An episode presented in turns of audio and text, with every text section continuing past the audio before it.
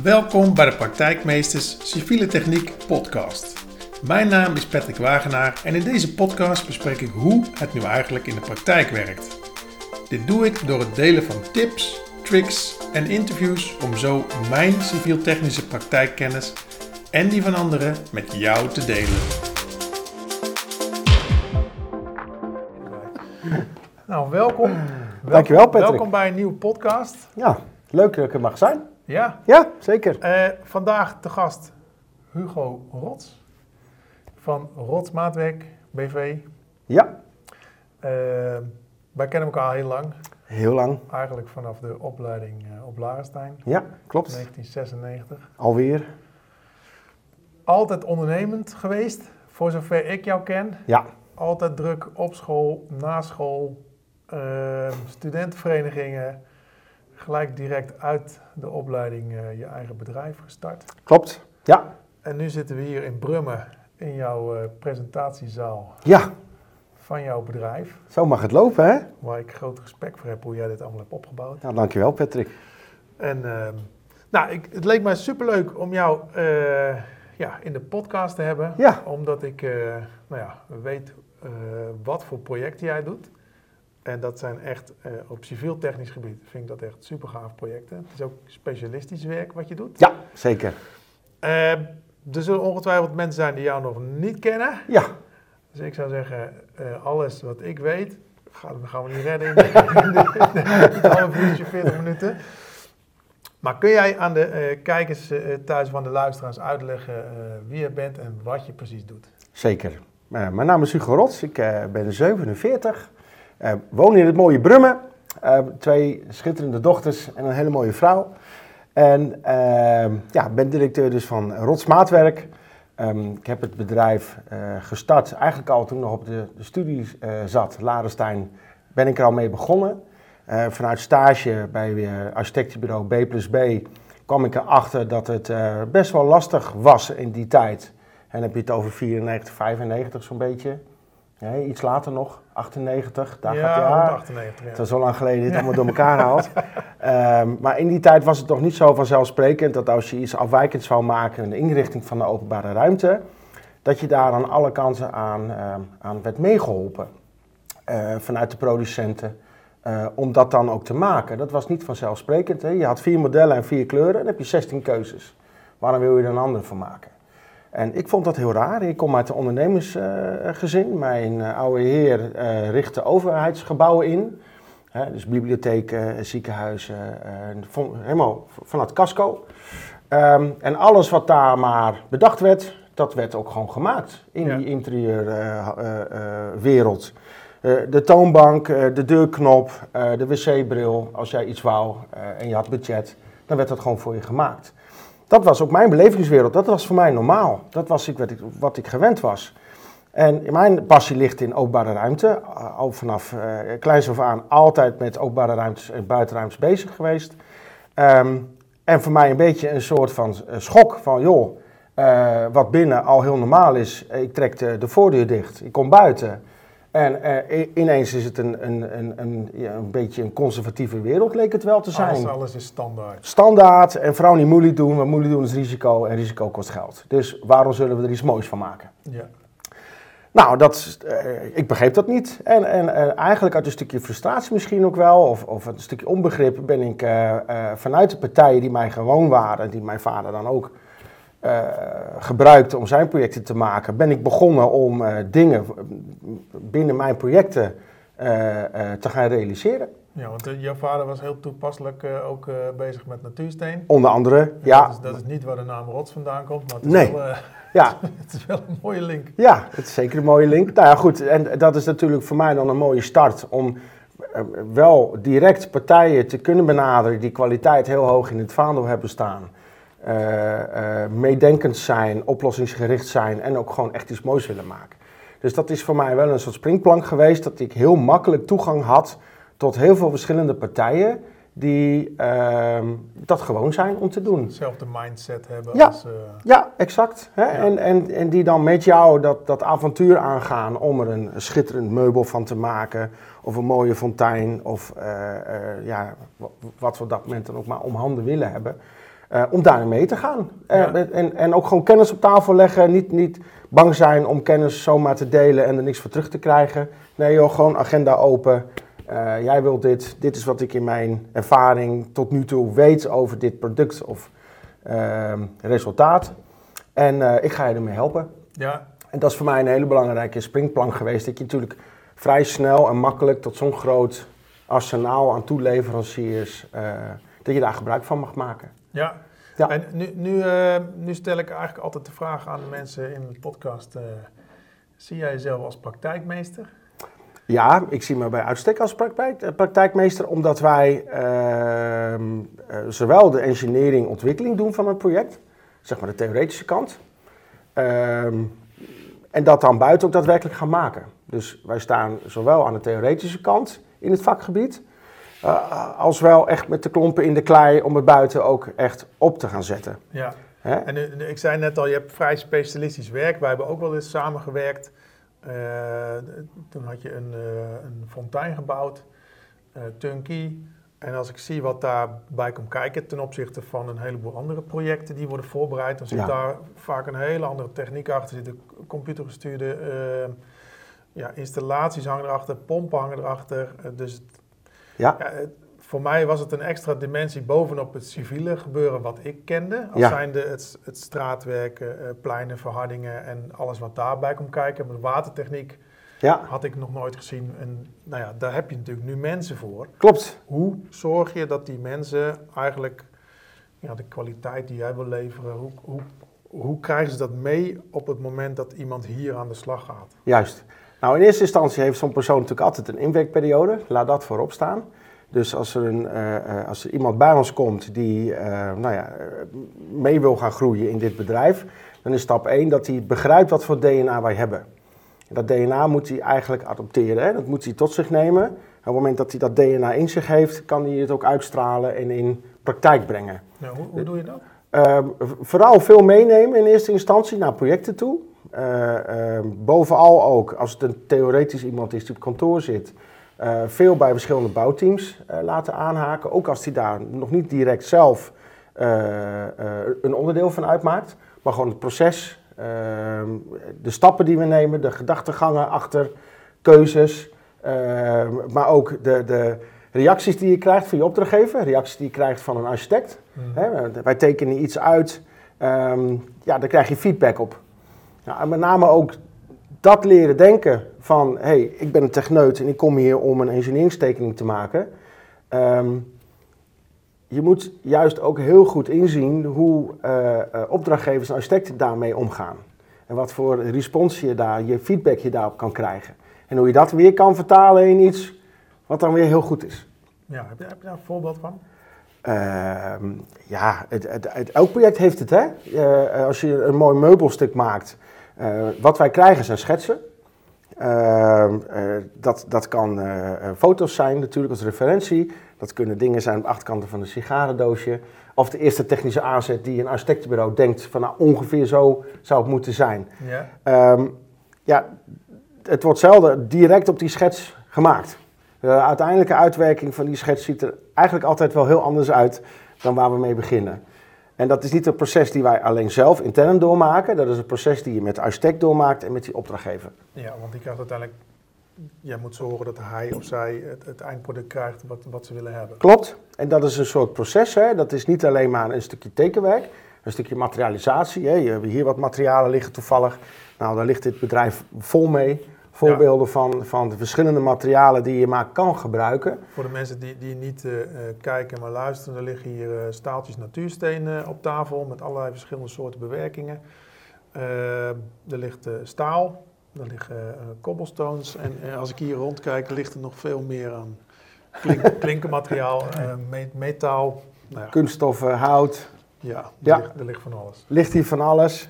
Ehm, daar maken wij ook vaak mock-ups mee. Mhm. Dus zeker als er wat techniek bij komt kijken die, die de, de, de klant niet direct gewoon is. In jouw geval dan een fontein die we samen hebben gebouwd. Ja. Dan, dan zijn we ook gewend om dingen te laten zien. Van nou, eh, eh, zo'n waterval, hoe, hoe werkt het dan bij hoeveel water? Hoe werkt het verlichting eronder? Een, een, een, wat zie ik nou daadwerkelijk van de oplossing die getekend is? Hoe valt dat in het beeld? Vind ik dat storend? Vind ik dat niet storend? Dat zijn allemaal dingen die je vanuit tekeningen eigenlijk niet kan beslissen. Mhm. Maar die je door met elkaar zo'n proefopstelling te bouwen heel goed in de smiezen krijgt. Wat het effect is van die tekening. Ja, en dat moet je ook doen, want uiteindelijk wordt het gebouwd veelal in natuursteen. En ja, gewoon ja het, in het geval van een waterwerk, daar hangen zoveel verschillende beslissingen aan vast. Pomp, leidingen, doorvoeren, uh, het RVS waar het water dan uitkomt, het natuursteen wat erop aan moet sluiten, de verlichting die erin geklikt moet kunnen worden. En als jij dan tegen mij zegt bij de eerste proefronde van joh, ik vind hem eigenlijk wel heel dun, die waterval. Dat valt me eigenlijk erg tegen. Ik had daar echt een enorme uh, ja, muur van water van verwacht. Dan ben ik niet meer bij machten om al die verschillende disciplines die in elkaar haken, om dat dan te vergroten. En eigenlijk is dat dan voor elkaar, want ik vind dat dan natuurlijk ook heel jammer. Voor elkaar is dat dan een teleurstelling dat jij het anders in je hoofd had dan wat je eigenlijk buiten op je project ziet. Ja, dus om continu zeg maar, te verifiëren of hetgene wat je gaat maken, of dat goed is, zorg je ervoor dat je die, die klant of die opdrachtgever of de architect meeneemt in dat proces. Klopt. Omdat, ja. Uh, ja nou, en met name ook omdat de, de, de klant niet dagelijks dit type project realiseert. Kijk, als je er al 15 hebt gemaakt, ja, dan weet je natuurlijk heel goed van, joh, ik moet daarop letten, ik heb daar dat gehad. En ik, hè, ik moet echt wel op die kleur letten, want dan zie ik dat heel goed. Ja. Ehm, dan ga je vanuit ervaring al naar die tekening kijken. En dan heb je vanuit je ervaring, kan je een heel goed beeld uh, schetsen hoe dat het dan uiteindelijk gaat functioneren. Maar als je die ervaring niet hebt, omdat je heel simpelweg zo'n bijzonder project nog niet eerder hebt uh, gebouwd, ja, dan moet je het gewoon echt gaan zien. Ja. Hey, hoe gaat dat bij, uh, ik, ik gaf net al aan, uh, ja, voor mij was zo'n project nieuw, hè, met wat erbij kwam kijken qua techniek. Uh, je gaf net aan dat andere opdrachtgevers dat waarschijnlijk ook hebben. Ja. Uh, hoe, hoe, worden jouw, hoe worden de projecten die jullie uitvoeren, worden die aanbesteed? Uh, krijg je daar één op één uitvragen voor? Want als je, als je niet goed weet als opdrachtgever wat je wil hebben, ja.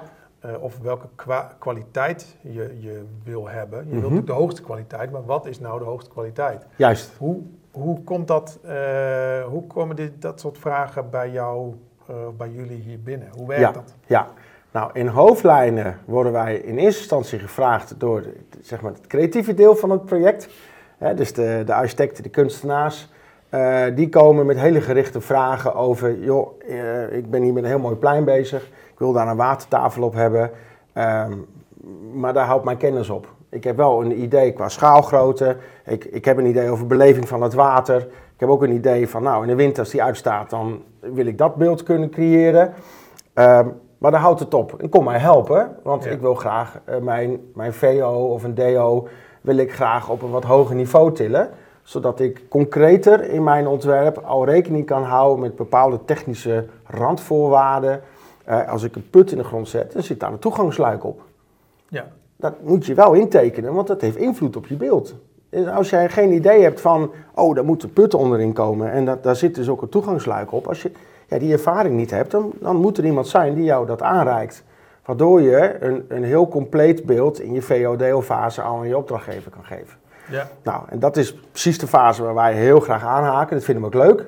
Kunnen we heel open meedenken, kunnen we uh, nou ja, ondersteunen, omdat dat uh, ontwerp wat er ligt, het VO, die schets, om dat met elkaar tot een hoger niveau te tillen.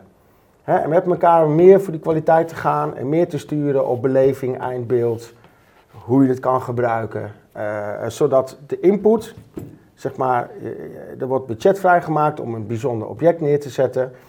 Dat kost geld en je wil eigenlijk de, de, het rendement van het geld maximaliseren. Ja, je wil er gewoon het meeste uithalen. Je wil daar zoveel mogelijk uithalen. En dat is de, de opgave die je met elkaar moet hebben. Hoe gaan we die beleving maximaliseren? Dat het gewoon echt een gaaf ding is die zijn geld waard is. Ja, maar niet alleen voor één jaar, maar voor... 20, 30 jaar. Ja. Dat moet de insteek zijn. Ja. Nou, en, en daar komt heel veel kennis bij kijken. En dat is niet alleen dat je moet weten hoe, wat voor pomp je nodig hebt... of dat je moet weten hoe je het water veilig houdt... of hoe, hoe de verlichting daarin mee kan... Je moet ook nadenken over fundaties, over bronering, over heipalen, over nou ja, alles wat met natuursteen of terrazzo komt kijken, in combinatie weer met dat water.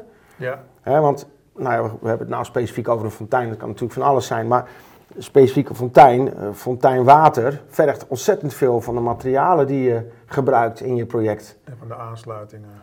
De waterdichtheid, dat het niet gaat uitlogen, dat het niet slijt, uh, dat het niet glad wordt. Uh, Voor de mensen die, die weinig tot geen ervaring hebben met een fontein in de openbare ruimte. Mhm. Uh, we kennen allemaal wel de fonteintjes die uh, bij de intratuin staan met Ja. een sproeiertje. Ja, nou, dit is andere koek, weet Ja. ik uit ervaring. Dat klopt. pe- persoonlijk, als ik door de openbare ruimte loop, dan ben ik, eh, is mijn ogen best wel gericht naar beneden. Omdat ik altijd aan het kijken ben welke putjes zie ik en welke Ja. details, welke aansluitingen. Mooi is dat, hè? Ja, Misschien een beetje eh, koekoek, maar... eh, Moet je wel een beetje zijn, toch? Ja. Eh, dus eh, nou ja, ik weet wat er onder de grond zit. Maar voor de mensen die het niet weten, kun jij eh, ons meenemen in wat er nu zeg maar, onder het luik zit. Wat, wa- wat voor formaten hebben we het over? Ja, Waar- precies. Waar moet je aan denken? Hoogte, Nou ja, breedte, diepte. Er- er is voor, voor op het moment dat je water aanbiedt in de openbare ruimte, dan moeten de mensen ervan uit kunnen gaan dat het veilig is. Ja. Eh, qua wetgeving is er nog niet heel veel voor fonteinen in de openbare ruimte op papier gezet. Maar die veiligheid moet je waarborgen ten alle tijden. En om dat water wat je hercirculeert, hè, want je, je, wil geen, je wil het water niet altijd weggooien. Je moet duurzaam omgaan met water, dat is heel belangrijk. Dan hercirculeer je dat. Nou, dat betekent dus dat daar vervuiling in kan komen, dat daar bacteriën in kunnen komen die gevaarlijk zijn. En ehm, eh, daar heb je een goede zuivering voor nodig. En dat is iets meer dan een, eh, dan een pompje met een zandfiltertje. Dat zijn serieuzere installaties. ja, is dat tegen eh, bijvoorbeeld Legionella? Ja, onder andere Legionella, maar ook bijvoorbeeld de E. coli-bacterie, hè, waar je dus eh, diarree van kan krijgen. En trokokken. Die moet je echt actief bestrijden. En zorgen dat dat onder acceptabele normen blijft. Daar ga ik je niet mee vermoeien. Dat is een heel, heel uitgebreid verhaal. Maar er zijn voor zwemwater is, zijn er ehm, niveaus van kwaliteit vastgesteld. En wij hebben als bedrijf gezegd, er ontbreekt duidelijke wetgeving voor fonteinen in de openbare ruimte. Maar we willen ons wel ergens op kunnen toetsen. Je moet wel kunnen zeggen, hier voldoe ik ten alle tijden aan. Ja. Je, je, hebt, je hebt een verantwoordelijkheid, een verplichting naar je opdrachtgever, maar ook naar de gebruik van openbare ruimte. En om die vast te kunnen klikken hebben wij gezegd, wij voldoen aan oppervlaktezwemwater niveau D. Nou, daar zit dan weer een heel verhaal onder. Ehm, dat toetsen wij dat water continu op. Drie tot zes keer per jaar in- keuren wij het water, testen wij het water Ja. van, eh, eh, eh, van de fontein. Dat gebeurt extern. Daar hebben wij geen invloed op. Dat is een extern laboratorium. En die komt met een, met een uitslag die ook met de eigenaar, de gemeente, wordt dat, die uitslag gedeeld. Dus iedereen heeft inzicht in de kwaliteit van het water. Ja. En wij moeten binnen die normen blijven die we zelf hebben gesteld met elkaar. En daar heb je een goede zuivering voor nodig. Dat is de droge kant van de put die onder de grond zit. Ja, en als, ik- als je kijkt naar de droge kant, Mhm. eh, ik ben er één keer in geweest. Eh, ik zag installaties staan, ik zag leidingen lopen. eh, ik zag heel veel lampjes knipperen. Ja, veel sturing, veel beveiligingen. Computerapparatuur. Klopt. DMX. Ja, Wat is. DMX?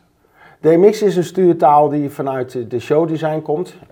Als je naar een betere club of discotheek gaat je ziet alle lampjes draaien en knipperen van kleurtjes. Dat gebeurt op een aansturingsprotocol, dat heet DMX. Ja. Ehm, vanuit die showdesign eh besturen wij ook onze fonteinen.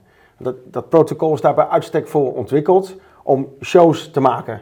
Dus wij hebben eigenlijk die, die aansturingsprotocol omarmd en die gebruiken wij ook om onze fonteinen van verlichting en, en de programmatuur te voorzien. Ja, dat betekent dat je eigenlijk kan wisselen per tijdstip qua... qua Eh, alles je, je kan alles programmeren. Ja. Eh, je, je kan externe inputs erbij halen als geluid, eh, druklussen. En je kan mensen via sms voor een kleur laten stemmen. Ja, eigenlijk wat je maar bedenkt, het is allemaal mogelijk. En wat dat leuk maakt, is dat je daarmee de fontein ook onderdeel laat zijn van de maatschappij. Dan wordt interactief. Hij wordt interactief, hij doet echt iets met de mensen die daar gebruik van maken. eh, en hij is makkelijker aanstuurbaar en veranderbaar. Dus als er iets gebeurt, bijvoorbeeld het Nederlands elftal zou eens een keer wereldkampioen worden, wie weet. Nou, dan, wat is er dan leuker om dan in die fase met dat water ook wat te doen, dat die oranje wordt. Eh, wat we heel veel doen, is dat we ook... eh, Zonder nou, kleurmiddel, hè? ja, maar wat er ook veel gebeurt als er dus ergens, nou heel vervelend, maar er is ergens een aanslag geweest en we willen onze steun betuigen aan dat land. Hè, dan dat doen we ook veel met gebouwen, worden die in bepaalde kleuren gezet. Ja. Nou, heel veel gemeentes hebben dan de wens om dan ook in die fonteinen die kleuren van die landen terug te laten komen. En dat kan dan heel snel op afstand kan dat gebeuren.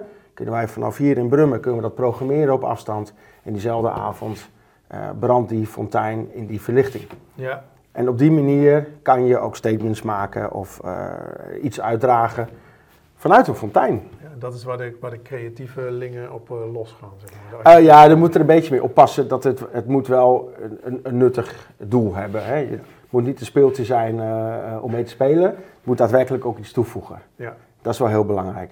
En, dat was de eerste put? Ja. Dus daar, daar zit de computerapparatuur in. Klopt. En daar zit de uh, reinigings... Uh, ja, zuivering zit daar dus in. object in. En de, dan zit er nog een put. Nou, de eerste put, neem ons een beetje mee. Wat voor formaat? Je, ik, de, eerste put, de eerste ruimte is ongeveer 2 bij 2, 2 bij 3. Ja. ook afhankelijk van de maat van het waterelement natuurlijk. Hoe, hoe meer water, hoe meer zuivering. Ja. dus naarmate je een grotere hoeveelheid watercirculatie hebt, neemt ook de zuivering toe in formaat.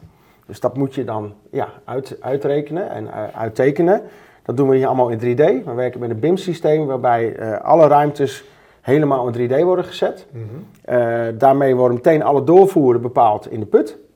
Daar komt automatisch een puttekening uit. Die gaat naar de puttenproducent toe. en terwijl wij tekenen, houdt BIM alle onderdelen bij die wij gebruiken in de tekening. Dus elk koppelingetje, elk schroefje, elk pompje komen automatisch in de lijst te staan. Dus komt als het ware een bestellijst uit. Ja, wat en die wordt via het EEP-systeem geïmporteerd en automatisch besteld. ERP-systeem is? Een ERP-systeem is een soort, uh, laten we het zo zeggen, een ruggengraat van een bedrijf. Waarbij je de boekhouding, je NRW-gegevens, je offertes, uh, je magazijn, je voorraad, alles wordt via dat ene ERP-systeem uh, geregeld. Ja, zo hou jij je administratie bij. Ja, precies. Want het ERP-systeem, als wij op een gegeven moment de tekening klaar hebben, wij nemen de tekening in bestelling, dan kijkt dat automatisch naar het magazijn en weet hij precies wat hij uit voorraad kan halen en weet ook precies wat hij moet bestellen. Uh, dat kunnen we dan volautomatisch laten verlopen. Ja. Want je, je moet honderden, honderden verschillende onderdeeltjes uh, bestellen. Ja, om, ja. om, om zo'n project te bouwen. Klopt. Eerste put droog, tweede put nat. Nat, ja. Ja, natte ruimte, het woord zegt het al, daar slaan we het water in op. Wat we dus hercirculeren. Ehm, daar zitten de pompen in die dat water weer opbrengen naar de fonteinen.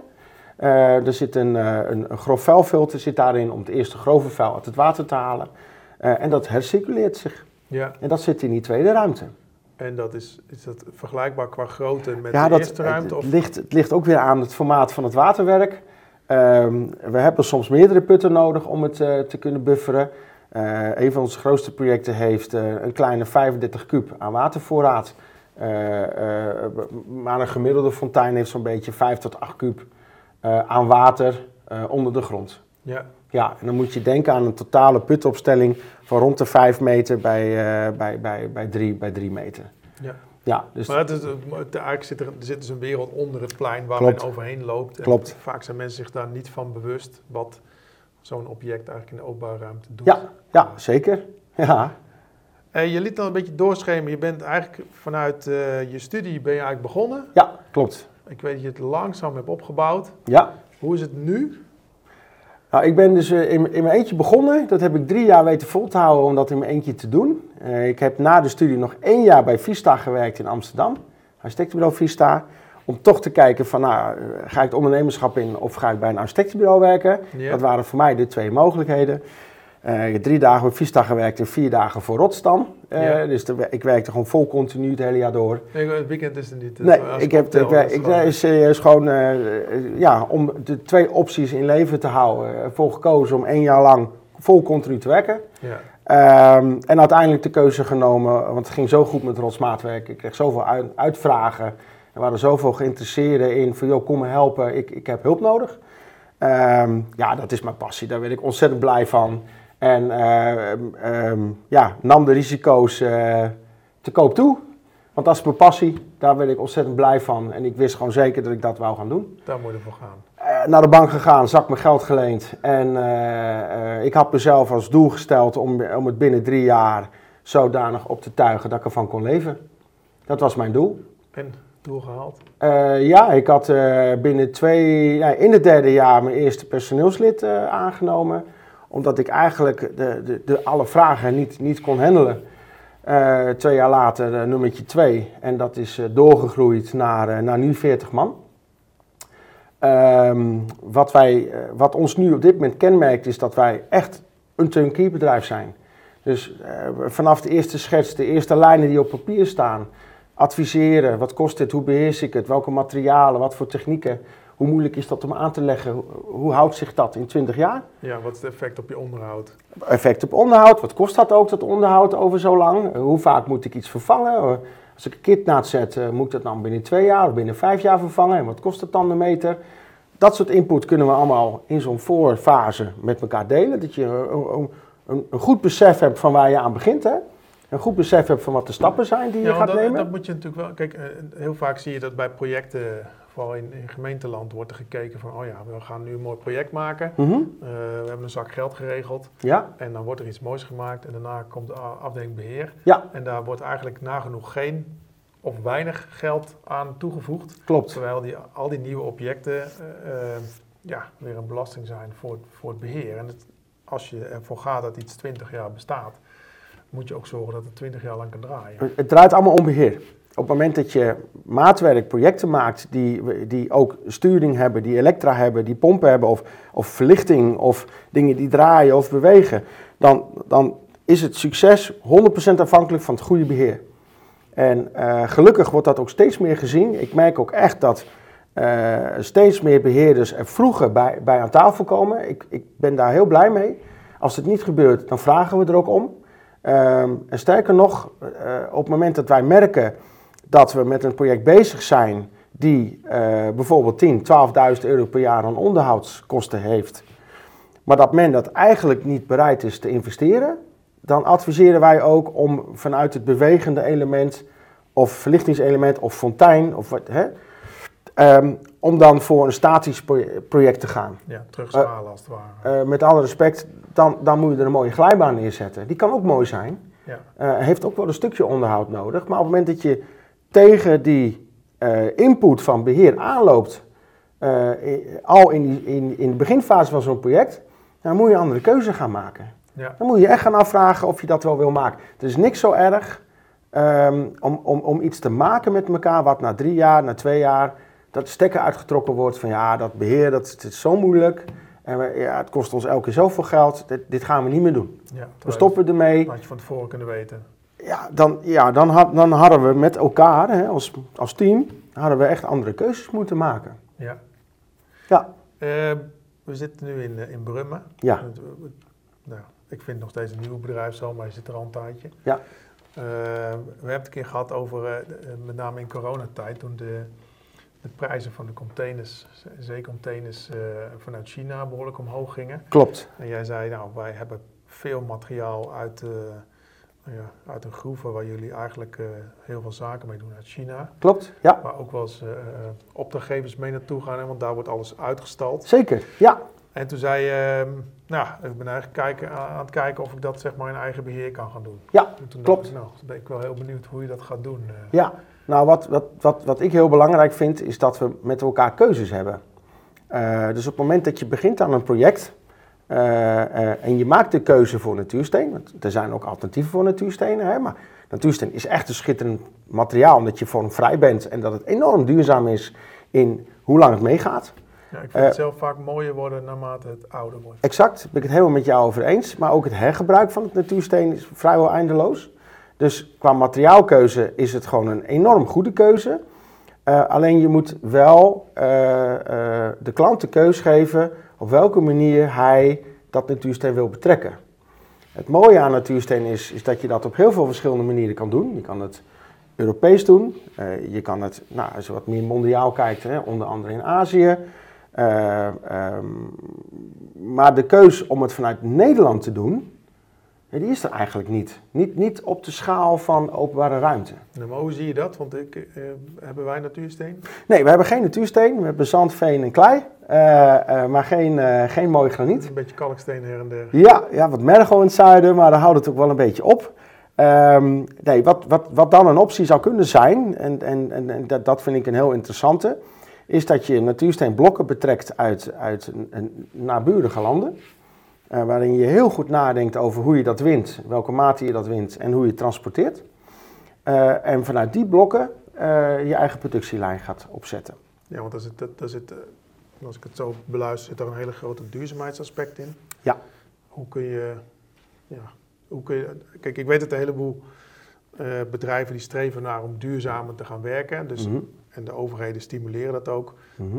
Dus de, de- is dit jouw manier zeg maar, om invulling te geven aan extra stukje duurzaamheid? Nou, ik vind dat je als organisatie eh, naar, naar jezelf moet kijken en je, je, je moet gaan nadenken hoe jij binnen jouw actieradius als bedrijf mee kan helpen, mee kan werken actief aan een verbetering van de wereld en, en het milieu en alle problemen die we daarmee hebben. Ja.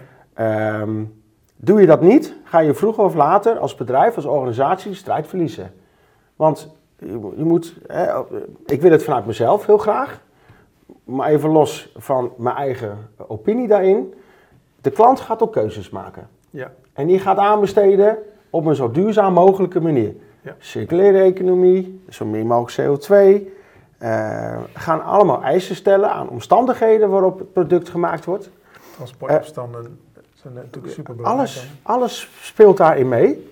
Ehm, dus ook al zou je het vanuit jezelf eh, niet willen, als organisatie, dus als bedrijf die vooruit wil, mee wil gaan in de toekomst, dan zul je ook daarin mee moeten. Ja, het is gewoon je plicht eigenlijk. Ja, absoluut. En, en ik ben er ook van overtuigd dat succesvolle bedrijven in de toekomst bedrijven zijn waarvan het logisch is dat zij eh, op deze aardbol actief zijn. Ja. En bedrijven waarvan het niet logisch is dat zij daar nog opereren of ten koste gaan van, die hebben geen langdurige toekomst meer. Daar ben ik echt van overtuigd. Hoe, hoe zie jij eh, de toekomst voor jezelf en voor jouw bedrijf? Ja, uitermate rooskleurig. Eh, wat het afgelopen jaren ontzettend duidelijk is geworden, is het belang van een hoogwaardig ingerichte openbare ruimte. Gewoon de plek waar we met elkaar in de stad leven. Wat, wat, wat doet dat met mensen? Want, Nou, ja, het- ik, ik, alles, alles. Als jij, bedoel, als jij zelf in een ver- verpauperde omgeving zou wonen, waarbij eh, je een onveilig gevoel hebt, waarbij veel vervuiling is, waarbij je je kinderen niet veilig op straat durft te sturen, eh, een openbare ruimte die gewoon niet werkt, of een openbare ruimte die de duurzaamheidsklasse niet haalt. Dat, dat, er zijn talloze studies al naar gedaan. Eh, Het is gewoon bewezen dat mensen die in zo'n omgeving wonen, niet blij zijn. Gewoon het gewoon, gaat gewoon ten koste van het levensgenot. gaat ten koste van het levensgenot, gaat ten koste van gezondheid. Ja, je geestelijke mindset bepaalt ook hoe je in je lichaam zit en, en hoe gezond je uiteindelijk bent. Dus als wij met elkaar een goede toekomst eh, in dit land willen waarborgen, dan is er maar één manier waarop we dat op een goede manier kunnen doen. En dat is dat te zorgen dat onze leefomgeving goed is. Hier is het platteland wat makkelijker. Hier in Brummen, een gigantisch groene omgeving. Ik hoef hier maar eh, drie minuutjes te lopen en ik zit hier in een schitterend bos. Ja, Ik kan hier recreëren, ik kan hier de, de, de, de drukte ontvluchten, geen enkel probleem. Maar als ik in Hartje Den Haag of in Hartje Amsterdam woon, dan wordt dat een heel ander verhaal. iedereen in het Vondelpark. Ja, maar dat, daar zitten al 200.000 mensen, hutje mutje. Ja. Eh, eh, daar heb je niet het gevoel van onthaasten, van recreatief gedrag. Je, je kan daar op dat moment niet eh, op een fijne manier bewegen en leven. Dus je moet die openbare ruimte zodanig inrichten dat het bestand is tegen die druk en die belasting van zoveel mensen per vierkante meter. En dat doe je door groen, dat doe je door hoogwaardige kwaliteit, dat doe je door eh, identiteit. Eh, dus anders een, een plek ja, echt eigen laten zijn. Niet een plek kopiëren die je op tien andere plekken al hebt. Het moet passen in de omgeving. Passen in de omgeving, mensen Ja. moeten er trots op zijn. Eh, en op het moment dat je dat weet te bereiken, creëer je een ideale leefomgeving. Zelfs als er zoveel mensen eh, op zo'n dichte plek bij elkaar zitten. Ja, En, en ja, wij met onze producten en de projecten die wij leuk vinden om te doen en waar wij ook heel veel ervaring mee hebben, die, die, die zorgen voor een, voor een mooie aanvulling daarop. Wij kunnen daar een heel mooi steentje aan bijdragen. ja. Dus in die zin zie ik ons bedrijf eh, ja, een mooie toekomst hebben. Maar ook wij moeten blijven ontwikkelen, moeten blijven nadenken over onze plek op deze aardbol. eh, en, en wat wij kunnen doen als bedrijf om die te verbeteren. ja. En dat moet iedereen. En je gaf net aan, ehm, ja, weet je, mensen moeten trots zijn op een, op een locatie. Ja. Eh, ik heb heel veel projecten voorbij zien komen eh, van jou. Ik heb ook een, ik heb in het begin een tijdje aan jouw website mogen sleutelen. dus ja. vandaar dat al die beelden van die fonteinen en, en natuursteenpleinen, dat die voorbij kwamen. Ja. Ehm, kun, kun je het, eh, kort even twee of drie uitlichten waarvan je zegt, dat zijn voor mij, uh, of mijlpalen geweest, maar dat zijn echt Mhm. projecten geweest waar, ik, waar we als bedrijf zijn echt trots op zijn. Ja. Nou, dat zijn er stiekem toch best wel veel, maar de, de, de, persoonlijk ben ik heel erg trots op wat we op Artis hebben gemaakt, het Artisplein. Michael van Gessel, eh Francine van Kempen. Ehm, daar hebben wij een watertafel van, van bijna 80 meter lengte mogen maken. Eh, daarachter zie je de lepelaars in een, in een hele mooie transparante ja, kooi, leefomgeving.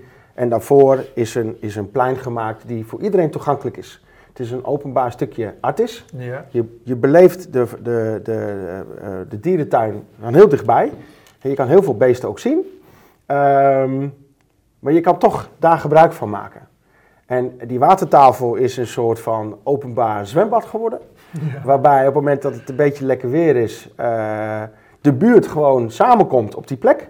Kinderen gaan daarin spelen, ouders kijken daar graag naar, dus horeca, er zijn zitjes.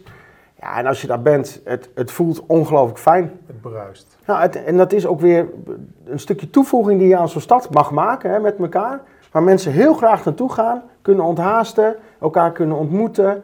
Eh, kinderen die daar lekker kunnen spelen, hè, buiten het huis uit, weg met die iPad. Ja. Gaan rennen in die fontein. Ehm, ja, en dat beleven. Ja. Dus ik vind Attis een hele mooie. Ik vind het dakpark eh, in, in Rotterdam vind ik een heel mooie die we daar hebben gemaakt. Dat is een grote water, watervlak op, eh, op, op een groot winkelcentrum is het eigenlijk. Hè? Mhm. Het is een, een, een gebouw van anderhalf kilometer lang met allemaal winkels erin. En op het dak ervan is een, eh, is een park gemaakt. Het is het grootste dakpark van Europa. En daar hebben wij eh, een heel langwerpig waterelement mogen maken met allemaal fonteinen. En die valt aan de achterkant via een trap 14 meter naar beneden. Dat is de hoogte van het gebouw. ja. Ja, dat is een heel on-Nederlands effect. die je ook op die plek niet zomaar verwacht. Dus het is echt een verrassing, een soort cadeautje eigenlijk. Ja. En ook daar weer, eh, nou, er zit een heel park natuurlijk omheen met veel gras waar je kan verblijven, waar je kan barbecuen. Eh, en als je daar zomers komt, dan zie je heel veel gezinnen die daar eh, hun vakantie vieren. Je moet je voorstellen, hè, dat is dus niet even een, een middagje daar gaan zitten. Ehm, mensen hebben wat minder budget, kunnen niet maar even in het vliegtuig stappen onderweg naar Italië. Die zitten in Rotterdam. ja. En die moeten hun vakantie van drie, vier weken daar doormaken. En als het lekker weer is, gaan ze naar het dakpark. Je weet niet wat je ziet, hoeveel mensen, hoeveel gezinnen daarheen gaan. Handdoeken mee, barbecue mee, eten mee, drinken mee, ko- koeltassen. En dat gaat allemaal om jouw project heen zitten. Kinderen rennen er doorheen, hebben daar een tijd van hun leven. Ja, dat heb jij mogen maken. Dat heb jij mogen toevoegen. Ja, dan draag je echt wat bij. En dat is gewoon wel wat we. En hoe meer dat leeft, hoe meer in het project dat kan doen, hoe trotser wij erop zijn. Ja. En natuurlijk Ja, moet iets mooi. zijn en, en goed werken en, en eh, zo min mogelijk problemen met techniek of fundatie, uiteraard. Maar hoe meer zo'n project kan betekenen in de omgeving en hoe meer mensen daar met heel veel plezier gebruik van maken, des te mooier wij het vinden. Ja. Ja. Ja, mooie. Ehm, we hebben heel veel besproken. En eh, we, volgens mij kunnen we nog makkelijk een uur door. Nou, dat maar niet doen. Nee, ik vind het ook mooi. Je ent- je enthousiasme is... eh, ja, dat dat, dat is gaaf om te zien. Je, je, zegt, je spreekt over passie, maar ik weet dat je er helemaal in zit en ik hoor het. ook, Dus dat vind ik hartstikke leuk. Ehm, je bent 47, Ja. net geworden. Ja, Nu mag jij terug in de tijd. En dan mag jij. ehm, je hebt zelf in 1998, dus nog voordat je hebt bedacht ik ga ondernemen, of ik ga ondernemen of ik ga naar architectenbureau, jij mag jezelf advies geven. ja. Wat voor advies zou jij jezelf geven? terugkijkend. Met de eh, kennis die je nu hebt. Ja, ik zou precies hetzelfde doen. Dat, volg je intuïtie en eh, neem de afslag waar je het meeste plezier in gaat, gaat, gaat krijgen. En eh, eh, ik, ik heb de moeilijkste afslag genomen. Ik, ik heb een zak met geld geleend. Best wel spannend. Zeker als je net student bent. eh, hè. Ja. Weet je, het is best wel serieus wat geld. En het moet wel lukken. hè. Je bent ook bang om te falen. Dus dat, moet, dat is allemaal best wel spannend. En ondanks dat allemaal heb ik altijd wel aangevoeld, maar dat is wel waar ik het meeste plezier in ga beleven. Ja. En dat heb ik gedaan. Ja. Daar haal ik de meeste passie uit, daar, daar, daar, daar moet ik gewoon voor gaan. Dat moet een kans krijgen. En je bent dan wel bang om, uh, nou mag ik er zo even zeggen, op je plaat te gaan. Hè? Dat, dat, is dan best wel spannend. Dat zou dan ook sowieso echt een advies zijn. Je mag fouten maken. Je mag op je bek gaan. Ja, ik kan me niet voorstellen dat jij nooit fouten hebt gemaakt. Nee, zeker. Er zijn absoluut dingen niet goed gegaan. En daar leer je ook heel veel van. Je maakt keuzes. je neemt soms mensen aan. Of je, je koopt dus een, een, een apparaat. Of je kiest toch voor een materiaal en een project waarvan je later denkt van ja, dat is toch net niet goed geweest. Ehm, maar goed, dat doe je dan ook meer weer. Ja. dat is dan het mooie. Alleen in het begin, als je jong bent en je, en je wil heel graag verder en je wil heel graag dat het lukt, dan ben je ook echt heel erg bang om fouten te maken. En als ik dan nu zelf terugkijk kijk naar, naar toen en waar ik nu sta, dan zou dat echt iets zijn wat ik tegen mezelf zou zeggen. Joh, je, je mag af en toe ook best een foute keuze maken hè, in, een, in een proces of in een stap van iets kopen of aanschaffen, investeren. Uh, dat is best oké, want daar leer je het meeste van. En daar, dat, juist dat zorgt ervoor dat je grote stappen maakt. Ja, ik denk uh, een mooi advies voor jou uh, eh, 25 jaar terug. Ja, zeker. Uh, ik denk ook een heel mooi advies voor ja, de wat jongere luisteraars onder ons. Die misschien in zo'nzelfde situatie zitten en denken van wat ga ik doen? Ja kies voor je passie en ga ja, Ja, echt. Mooi. Ik, ik, vind, ik vind eigenlijk een mooie afsluiter. Nou, mooi zo. zijn, zijn, er nog dingen waarvan je zegt van, nou, goh, weet je, dat had je toch nog even, eh, hadden we toch nog even moeten aanstippen? Of... Uh... Nou goed, wat ik, wat ik echt wel wil zeggen is dat we eh, met elkaar een gigantisch mooi vakgebied hebben. Uh, ik, ik vind dat soms in de civiele techniek uh, of, of, in de landschaparchitectuur Ehm, af en toe wel eens wat onderbelicht. Hoe mooi vakgebied wij eigenlijk hebben, dat wij dus met elkaar uh, nou, het Nederlandse stadsleven uh, mogen inrichten. Ja. En hoe belangrijk dat eigenlijk is, dat dat op een goede manier gebeurt. En wat, wat, wat het belang is daarvan op de mensen die in de stad leven. Uh, recent nog op een MBO een, een, een, een, lezing gehouden. ongeveer 300 MBO-studenten. Um, heeft precies hetzelfde verteld. Maar jongens, jullie zitten in zo'n ongelooflijk mooi vakgebied.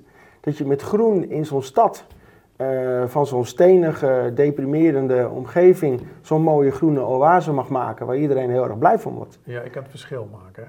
Je kan echt iets doen. Ja, en dat, uh, ik vind dat we dat als vakgebied wel eens wat meer uh, mogen, mogen uitstralen. Nou, ja. je, hebt het balletje vast laten rollen. Dat bedoel ik. Oké. Okay. Dankjewel. Hey Hugo, bedankt. Ja. Voor jouw uh, uh, mooie bijdrage en inspirerende woorden. Graag gedaan. Bedankt voor het luisteren naar deze podcast. Wil je nooit meer een aflevering missen? Abonneer je dan in je podcast-app of op ons YouTube-kanaal. Wil je meer informatie? Kijk dan op praktijkmeesters.nl-podcast.